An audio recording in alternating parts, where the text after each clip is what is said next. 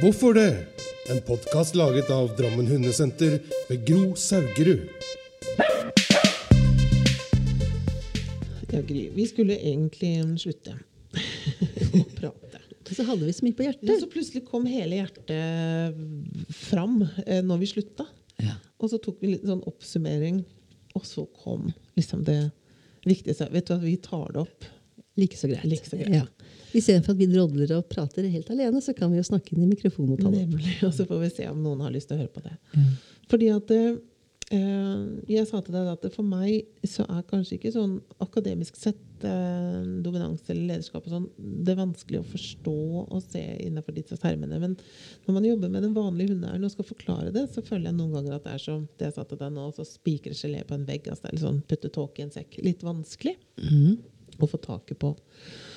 Um, og, så, uh, og så tenker jeg at uh, jeg, jeg opplever jo at tanken om å få lederskap, altså være sjef, eller frykten for å ikke være det, det styrer veldig mye av hvordan man velger å være sammen med si valpen sin. For det er liksom der man skal etablere det. Man må liksom vise med én gang hvem som bestemmer.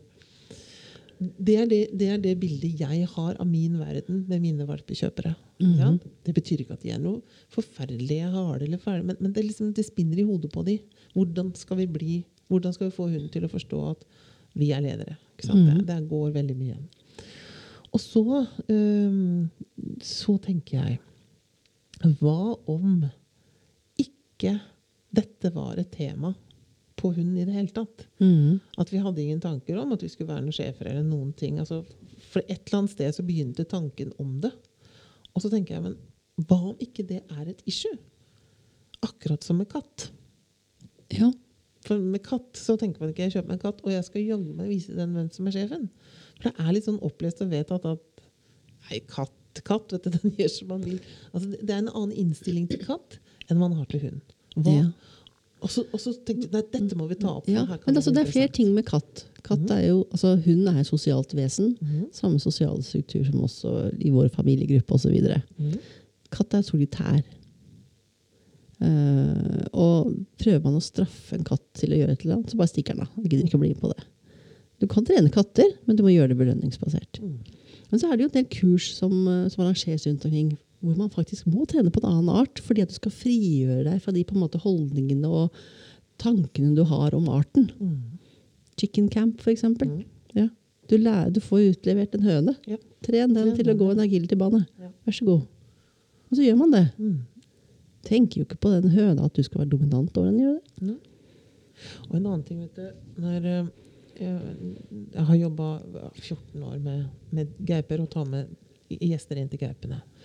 Og da sier jo ofte gaupene ifra at ikke, ikke kom for nær. Altså de hveser, og de kan knurre og gi uttrykk for det.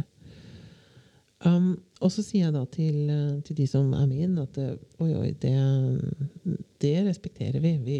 Og aldri i vårt liv at vi stopper den atferden. For Hvis, hvis den hveser til oss, knurrer til oss, så er det et signal på å øke avstanden, f.eks. Mhm. Da, da har, man, tar man respekt, har man respekt for, den, Absolutt. for det individet. Og, og det er jo ikke en kjeft som motstrider, som motstrider det. Fordi at vi sier hvis vi skal gå inn til gaupene. Og så har vi avlært atferden ves, knurr, gi signaler på at nå er det for tett på. Da lager vi farlige dyr. Mhm. Det ville jo blitt uforutsigbart at vi hadde bestraffa f.eks. knurring eller hvesing og tatt bort det signalet. Mm. Det, ville jo vært katastrofe. Så det er kjempeviktig for oss mm. å ha, så vi vet at oi, nå har vi gått 10 cm for nærme, eller nå tok vi kameraet litt nærmere, nå gjorde vi en feil. Uh, men hvis vi diskuterer det her med hund, mm. om hunden skal få lov til å knurre, eller hunden skal få lov til å gi stoppsignaler til oss, eller avstandsøkende signaler, da er vi ikke fullt så enig i at uh, det er lov. Så vi har liksom så veldig forskjellige forhold til artene. Mm. Fordi hunder skal liksom ikke få lov til å si fra. At 'dette liker jeg ikke'. Så, Fordi at mange tenker at da utfordrer han meg. ja. Jeg har hørt dyrleger sier at kloklipping også er et lederskapsissue. Mm. Så det skal hun bare finne seg i. Og jeg syns hunder egentlig finner seg i veldig mye rart. en eh, Han er død nå, Lars Felt. Han sa det at uh, hunder de er altfor snille.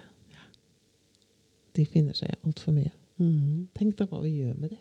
Mm. Og nå kan hende noen sitter og tenker herregud, jeg er bare snill med min hund. Og det er kjempebra. Men det er noen som er Igjen så snakker vi om er man snill eller slem, altså. Men, men i, mine øyne i hvert fall ikke trener hundene sine sånn veldig hyggelig. Mm. Og, og hundene finner seg liksom i det. De blir bare slappe og, og gir litt opp. Og mm. biter ikke fra seg eller gjør noen ting. De finner seg i det. Ja. Mm. Men da har jeg en eksempel, eksempelhistorie. Eh, en hundetrener som veldig mange i, i det området så veldig opp til. Som en Mm. fantastisk flink hundetrener. Eh, han gikk med hunden sin løs, og den gikk etter han som en skygge. Men den så ikke noe lykkelig ut. Mm. Den gikk med senket hode. Så ikke på forbipasserende, så ikke på andre hunder. Den var der. Alt hang liksom ned. Mm. Halen, hodet, ørene. Alt liksom. Åh, den så ikke noe særlig lykkelig ut. Og så øh, fikk jeg greie på hvordan han trente denne hunden. Og da fikk jeg mistanke om noe vi kaller for lært hjelpeløshet. Mm. Uh, hvor du faktisk påfører hunden ubehag for veldig mange atferder som den viser. Uh, som fører til at hunden gir opp. Prøver ikke noe mer. Selv om den har en mulighet til å stikke av, eller et eller annet, så gjør den ikke det. Fordi alle forsøk har vært slått hardt ned på. Mm. Så, og da mente noen at eh, denne hunden eh, At denne hundetreneren hadde veldig bra lederskap av denne hunden. Men så har du dette her Stockholm-syndromet, da, Mm. som fører til større tilknytning. Så da tenkte jeg at uh, her ser vi et eksempel på lært hjelpeløshet og Stockholm-syndromet. Som folk så opp til, for de mente det var et veldig bra lederskap. Mm. Det er mye tanker, altså. Ja. Det er mye etikk. Det er mye, mye som ligger i, eh, i dyretrening og, og hundetrening. Og, eh, og jeg syns vi har en kjempeviktig jobb, vi som Du jobber ikke så mye med det nå, men du har vært veldig eh, yrkesaktiv på Ja, og jeg sto jo litt sånn på barrikadene Mm. når det var mye si, hundetrening på TV-en. Mm. Så det, jeg var jo diskuterte litt i media og var jo på NRK på debatt der en gang. Mm. Eh, men det som jeg syns er litt rart, da, når man da som etolog og fagperson eh, skal diskutere i den offentlige debatten, så får man en autodidakt motstandspart, altså meningsmotstander. Mm. Så sitter man da som fagperson og skal mene noe mot en annen. Det blir som, som en, en psykiater skal med, være i debatt mot en, eh, en som har barn. Bare for at den har barn, så har den greie på det. Ja, ikke sant. det altså, kan, kan, ikke, kan ikke fagpersoner diskutere mot uh, fagpersoner, da? Mm. Så kan autodidakte diskutere mot autodidakte, hvis det er det som er greia. Mm. Men eh, Nei, jeg syns Og så er det mm, Nå er vi helt oppe på et annet tema. Ja. Hund i media. Det er fredag. Det er fredag. ja. Nei, men altså, greia er jo det at eh, folk vil lage fin TV. Mm. Mm. Eh, aggresjon vises veldig tydelig, Mm. og det er det de vil gjerne vil vise på TV-en. Vet du hva, når jeg jobba i, i um, Afrika i 2010, jeg jobba med et løveprosjekt der, Mhm. så var en av oppgavene å sitte og eh, studere. Altså vi skulle skrive, observere, lage et observasjonsskjema på løvens atferd. Ja. Eh, og det, hvis man skulle lage TV av det, for å si det sånn ja. For det er et dyr som sover i 22 timer i døgnet. Mhm. Så da satt jeg der i 40 varmegrader og skrev um, Rørte på halen. Rista på venstre øre. Altså et veldig lavt tempo. Altså. Det, Mhm. var, eh, det var åtte jeg tror åtte punkter på åtte timer. Det var veldig, veldig lite. Det var litt overdrivet, da. Men det var Mhm. veldig lite. Ja. De løfta knapt nok hodet altså, på de åtte timene. Mm. Hadde sånt skjema, sånn ettogram, Ja. som krysset av. Ja. Det var sånn, la det skje noe. I hvert fall en flue som kunne lande sånn, rista litt på øret. Det var veldig veldig stille. Og det er klart at hvis man skal lage TV av det, av løver som sover i 22 timer, så blir det kjedelig. Mm. Og derfor så tror jeg det, at når man skal lage TV, så må man, må man eh, som man gjør når dyr jakter, så skal de legge på brøling og knurring. Og, mm. som skulle være en aggressiv atferd. Ja. En, en ting som irriterer meg litt, Ja. Det er det at eh, Til Finnmarksløpet, introen der, Ja. så er det en hund som liksom eh, går litt ned i øyebrynet, og så knurrer den. Mm. Og Hvorfor skal de ha en sånn intro? Nei, det er, vel, det er liksom sånn vi er lagd. Jeg tror vi liksom har den derre Hunder med spisse ører og altså, Jeg tror vi liksom skal lage den actionfylte varulvvarianten. Gjøre det tøft og kult. Ja til sånn- aggresjon. Ja. Det er litt sånn, også når hvis man viser ulver, ikke sant? og så Mm. ser man en ulveflokk som spiser, og så knurrer de og slåss om maten. Mm. og sånt noe. Ja. De gjør jo vanligvis ikke det. Er ulver i fangenskap, kanskje, som er deprivert på det meste og har dårlig plass og en kunstig sammensatt gruppe som ikke liker hverandre. Ja, nå skal jeg fortelle en, eh, en historie. Eller Og det var når vi hadde jeg tror var kanskje det siste valpekullet vi hadde blant ulvene våre. Eh, Så hadde vi en engelsk student som hadde reist rundt i mange ulveparker. Og så, eh, med tanke på rangfordeling, altså hvem, hvem hadde høyest rang, Mm. Uh, og hun var nesten ferdig med sin oppgave. Og hun studerte dette rundt matsituasjoner. Mm. Uh, våre ulver de uh, får mat hver dag. Og andre ulver som hun hadde besøkt, eller andre parker, fikk sjeldnere. Det er ganske vanlig at man gir ulvene sjeldnere mat enn en gang om dagen. Ja. Eh, og hun var liksom i ferd med å sette to streker under svaret, fordi at uh, det var liksom lederulven som spiste først i alle tilfellene som hun hadde observert. Da. Men ikke hos oss. Uh, da var det egentlig ganske tilfeldig hvem som henta maten først. Og så, så det skurra litt i oppsettet. Mm. Og så spurte jeg henne, uten at det er noe akademiker og driver mye med forskning, så, så tenkte jeg ok, hva er, det du, hva er det du egentlig har studert? Så jeg, men studerer du, altså hva er det du har fått svar på? Er det hvor sulten ulvene er? Eller er det rangen? Mm. For at det, i det, vi snakka om det om tidligere, det når det er eh, altså mangel på ressurser, Mm. så kan man jo få fram dette dominanssystemet. Konkurranse. Konkurranse, ja. At den, eh, og, da er det klart at når ulvene våre er mette, og ikke har mangel på ressurser, så er det kanskje litt mer tilfeldig hvem som går og henter maten først og, og Mm. sist. Så, så det var mest bare sånn innspill, og det, det innspillet førte til at hun måtte skrive om oppgaven sin litt, for den sannheten som, som hun kanskje hadde fått bekrefta hvordan hun hadde tenkt, at den mest dominante spiser først, um, det, det, det fikk liksom plutselig en Kanskje den mest sultne spiser først. Ikke sant? Og da, da måler du bare sult. Den mest Mhm. sultne spiser først. Uten at det kanskje har noe med den sosiale strukturen å gjøre til syvende og sist. Mm. For den RHP-modellen den tar jo inn den derre hvor, hvor vet du føler den ressursen som viktig. Mm. Vi hadde jo det på ulvetispa vår. Mhm. Uh, de får jo da like mange biter som det er ulver. Så det kan jo være at én tar to biter en dag, og en annen ikke får. Eller ikke tar. Det er sånn vi opplever det. At det, det er ikke viktig. Jeg er egentlig mett. Uh, og så er det en som, som da tar to, og så er det greit. Og så hadde vi uh, jeg tror vi hadde syv valper. Uh, og så skulle jeg inn med en gruppe mennesker um, til ulveflokken. Og så kom hun, ulvetispa, liksom løpende ned til oss. Og det var jo veldig uvanlig.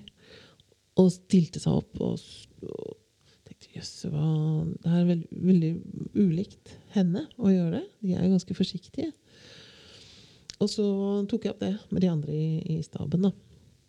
Og sa at hun hadde oppført seg litt annerledes enn vi var vant til. Jeg opplevde henne absolutt ikke farlig, eller hun bare var veldig på. Hadde veldig høye forventninger. For vi hadde, har jo med litt godbiter da, til ulvene, at vi kan kaste ut litt for å flytte på dem og sånn. Altså. så, -hmm. um, så, så tenkte jeg at um, Og så sa den andre, de andre guidene at de, de hadde ikke opplevd det. Og så, ja, ok, men kan ikke dere følge med når jeg går inn neste gang? For, liksom, er det noe med meg? Er det, det er jo Ja, vi må jo være på en måte faglig åpne. Hva, hva er det her? Og så uh, gjorde hun det igjen. Veldig, veldig på. Og så eh, drodla vi litt rundt det, og så Hun hadde jo tross alt valper. Og det en tispe gjør, uh, ulvetispe, hva er det når hun skal uh, etter hun har spist? Og valpene har slutta å die, de har begynt å spise. Jo, hun løper ned til valpene og de dytter og slikker og, og putter hele snutepartiet sitt inn i munnen, så hun gjør Mhm. at hun kaster opp. Ja. Så, så løsninga på problemet eller, det var egentlig bare å fôre mer. Ja. Sånn at det, det, er liksom sånn Ja, er det jeg som er Har hun mista respekten for meg? Eller så, hvordan man skulle tenke. Og så var det bare mat Mm. som, eh, som ble viktig for henne, da. Ja. Så ja.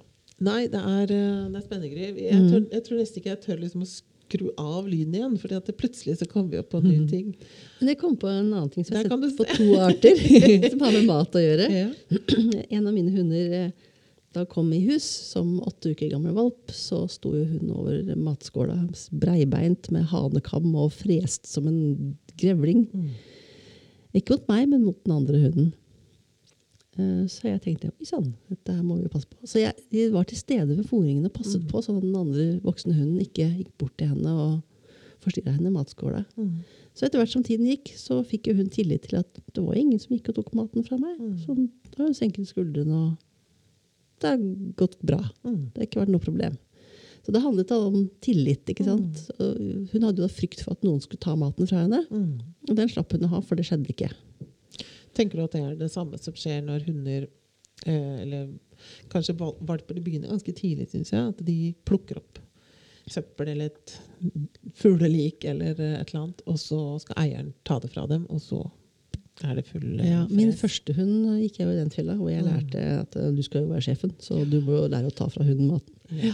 Det var jo en hund etter hvert med en sikkerhetssone på halvannen meter. Ja, og akkurat skal jeg stoppe deg der. For det er akkurat det jeg opplever. Det er derfor jeg hadde så lyst til å lage den podkasten. Akkurat det du sa nå. Mm. Det er fordi at man skal være sjef. Så ser man at det påvirker så enormt mye hvilke mm. tiltak jeg setter i gang Ja, ja. på eh, disse problemene som bare eskalerer mm. hvis man eh, trår til. ja. Så jeg tenker at det, det beste man kan gjøre er å fôring av valpen, Mm. la han spise, la han få fred. La han få tillit til at det er ingen som tar maten fra han. Mm. Men hva skal du gjøre med den som spiser fugleliket? da? For det er ikke så bra at de får i seg alt det der. eh, Nei. Altså, er det en nødsituasjon, så er det en nødsituasjon, tenker jeg. Da må man gjøre det beste ut av det. Mm. Men problemet er at hun lærer av det, Det så det. da spiser den fortere Ja. neste gang. Og stikker av. Eller, ja. Så det er jo en, det er en utfordring. Ja. Det er det. Men, men eh, parallell, da. Hest. Ja. Som da, når det åpnes eh, døren inn til boksen, står der da med, med ørene klistret bakover og er klar til å ta deg fordi du kommer inn med maten. Mm. Som da har erfart at det har vært sannsynligvis noen konflikter rundt fôring. Da. Mm. Eh, og fikk høre av den andre at ja, du må smekte den, så da s- bla, bla, bla, så blir alt så meget bedre. Mm. Så tenker jeg det at em, jeg bare later Jeg prøvde, jeg var litt redd, da. Jeg må si det. Men jeg prøvde først å late som at hesten ikke var aggressiv. og Bare gikk inn og fola som om ingenting skulle ha skjedd. Mm. Og så gikk det nesten bra. Altså det vil si, jeg, jeg, han, Hesten var ikke i nærkontakt med meg, Mm. så det, jeg ble ikke bitt eller skada. Men, men hesten syntes det var veldig ubehagelig. Mm. Så fortsatte jeg å, å, å bare gi mat. Det her var kraftfôret. da. Mm. Det- Grovfôr var det ikke noe problem, men det var kraftfôr som var greia. Så etter hvert så, så roa hesten seg ned. Og det begynte med etter hvert når jeg følte at nå går det ganske greit. Så gikk jeg inn, og så ventet jeg bare ørlite sekund, eller kanskje to, Mm. før jeg helte oppi krybba. For da måtte hesten vente litt. Mm. Og så da, da økte jeg den tiden hvor jeg venta. Mm. Sånn at hesten etter hvert måtte bare lære å stå og vente til jeg hadde helt oppi. Mm. Så kunne den gå og spise. Så, og da, da tror jeg at hesten opparbeida en slags tillit til at jeg ikke skulle gjøre den noe. Mm. For jeg tror den har opplevd mye gærent før. Eh, og samtidig så, så, så trente jeg hesten til at hvis den ventet litt, så fikk den mat. Mm. Samtidig. Altså, eller ikke med en gang, men etter hvert tror jeg det. Mm. Så der på en måte tror jeg jeg har en tillitsgreie også. Mm. Altså, aggresjon kommer jo av frykt for at det skal skje et eller annet. Mm. Jeg har um, under um, denne etikkforedraget så, så snakker vi litt om håndtering både på hest, For jeg snakker ofte med heste, hestefolk akkurat i det, i det momentet der. Om skoing, f.eks. Mm. Noen hester som syns det er veldig ubehagelig å bli skodd. Eller hunder, hvis jeg tar det i den sammenheng. Så da er det kloklupp. Og så er det en som heter Kent Svartberg, som har en, eh, en modell som går på sånn relasjon mellom hund og menneske. Der han har Jeg tenker ballonger, da. Mhm. En som heter bestemmerrollen, det er liksom den ene ballongen. Og den andre er samarbeid, og den tredje er tillit. Altså liksom, Hva skjer hvis man blåser mer luft i den ene og den andre, og hvordan det her påvirker, da. Men jeg har forenkla den litt. grann. Um, jeg lagde, kalte den ene bobla, eller den ene ballongen for omsorg. Mm eh, og den andre for eh, bestemme over. Og så eh, er konseptet da at vi har en hund som er, ikke lar seg klippe klør. Altså Jeg sier ikke at den er veldig redd for det, men den lar seg ikke klippe klør. Nei. Den vil ikke det, eller den gjør ikke det. Du klarer ikke det. Uh, og så tenker vi at liksom, ditt dyresyn handler om at det er jeg som bestemmer. Mm. Bestemmer rollen din. Den ballongen er kjempestor. Og den omsorgsbobla er litt mindre. Og så spør jeg da hvordan ville du, hvordan vil du løst det hvis den ballongen var den største? Og da er uansett nivå på de som sitter og hører på, så er det holde fast, legge ned Altså at man bruker makt på å klippe. Mhm. Og så snur vi det. Vi, hvis den bestemmeoverbobla er liten, og omsorgsbobla er veldig veldig stor, hva ville du gjort da? Og da kommer jo bruke tid, gi godbiter, gjøre alt rolig. Liksom. Da, da forandrer plutselig Mhm. metodevalget seg. Mhm. Og så lar jeg de få lov å tenke litt på det, se det opp mot hverandre, og si ja, men problemet er det samme. Mm. De har ikke forandra seg. Hunden er akkurat den samme. Mm. Jeg har ikke bytta hund. Helt den samme hunden. Mhm. Men din innstilling til det er forskjellig. Ja. Og gjennom din innstilling til problemet, så velger du to ulike metoder. Mhm. Bare på grunnlag av hva du tenker. Mm. Mm. Og det syns jeg er ganske essensielt. Og det er derfor jeg er så opptatt av det her. Fordi at Mhm. vår innstilling til den hunden, det betyr så mye i forhold til hvordan vi kommer til å trene den. Jeg har et, eh, altså fikk assosiasjon til en annen greie. Eller den ligner litt. Eh, hun som syns det er veldig ekkelt med ørene. Mm. Hun som klør i ørene. Syns- eh, men eh, så skulle gjerne tatt sånn ørerens. Mm. Eh, og, men eh, vil ikke. Nei. For ørene de, er, de klør, og de er ekle og de er vonde. Og ikke ta på ørene mine. Jeg kan godt ta på ørene, men ikke ørerens. Mm. Nei, nei, nei, det er noe nytt og skummelt. Det skal vi ikke ha noe av. Og så har jeg prøvd det lenge, og hun vil ikke. Prøve med litt sånn der eh, òg. Mm. Men så fort hun mistenker at uh, her er det involvert ørerens, mm. så bare går hun vekk. Mm. Uh, så var vi til dyrlegen, fordi det klødde litt. Og så tok bare dyrlegen veldig fort, og hadde gjort dette her før. Og, og, bare ørerens inni før hun egentlig rakk å reagere. Og så viste det at det var egentlig veldig behagelig å få Mm. dette inn i øret, og fikk massert opp. Og så ble det godt etterpå. Mm. Etter det så er det greit. Ja. Jeg måtte bare erfare at det gikk fint. Ja. så jeg sier ikke at man skal gjøre sånn i alle situasjoner, men noen ganger så kan man bli overrasket. Mm. Hadde det vært lett å trene hunden, du? Men vi skal, prøve, vi skal prøve å avrunde én gang til. For tredje gang i dag. Um, og da tror jeg jeg skal rett og slett bare pakke sammen. For ellers så kommer vi på enda et nytt tema. Det er jo helt utømmelig, dette med hund. Ja, ja. Så eh, det jeg glemmer å si på hver eneste podkast, er at hvis noen har spørsmål, så må du jo bare sende det inn på, på e-post. Drammenhundesenter at gmail.com. Fordi at eh, den heter jo 'Hvorfor det?' Og meninga er jo at man skal ta opp ting folk lurer på. Og vi har en del spørsmål allerede som vi skal klare å lage en podkast på neste gang. Men uh, jeg tror Gry at eh, det blir sikkert en til, tror du ikke det? Eller Ja, det er morsomt dette her. Ja, det Ja, veldig Der får vi jo svart på ting som vi lurer på. Ja, vi, det er vi som sitter og lurer akkurat nå. Hvorfor det? Hvorfor det? Hvorfor er det sånn? Ja, men jeg håper at uh, dere som hører på, finner det interessant og, og koser dere. Og at dere faktisk får litt å tenke på da, når vi sitter og drodler og Også, prøver. men så er det litt gøy hvis folk har noen tanker og meninger om det vi har sagt. Mm, For verden er ikke nødvendigvis svart-hvitt. Det er mange nyanser her. absolutt.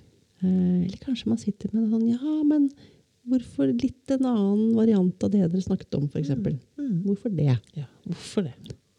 Vi tar altså, håper at noen sender inn. Det hadde Ja. vært gøy. Hvorfor det? En podkast laget av Drammen Hundesenter ved Gro Saugerud.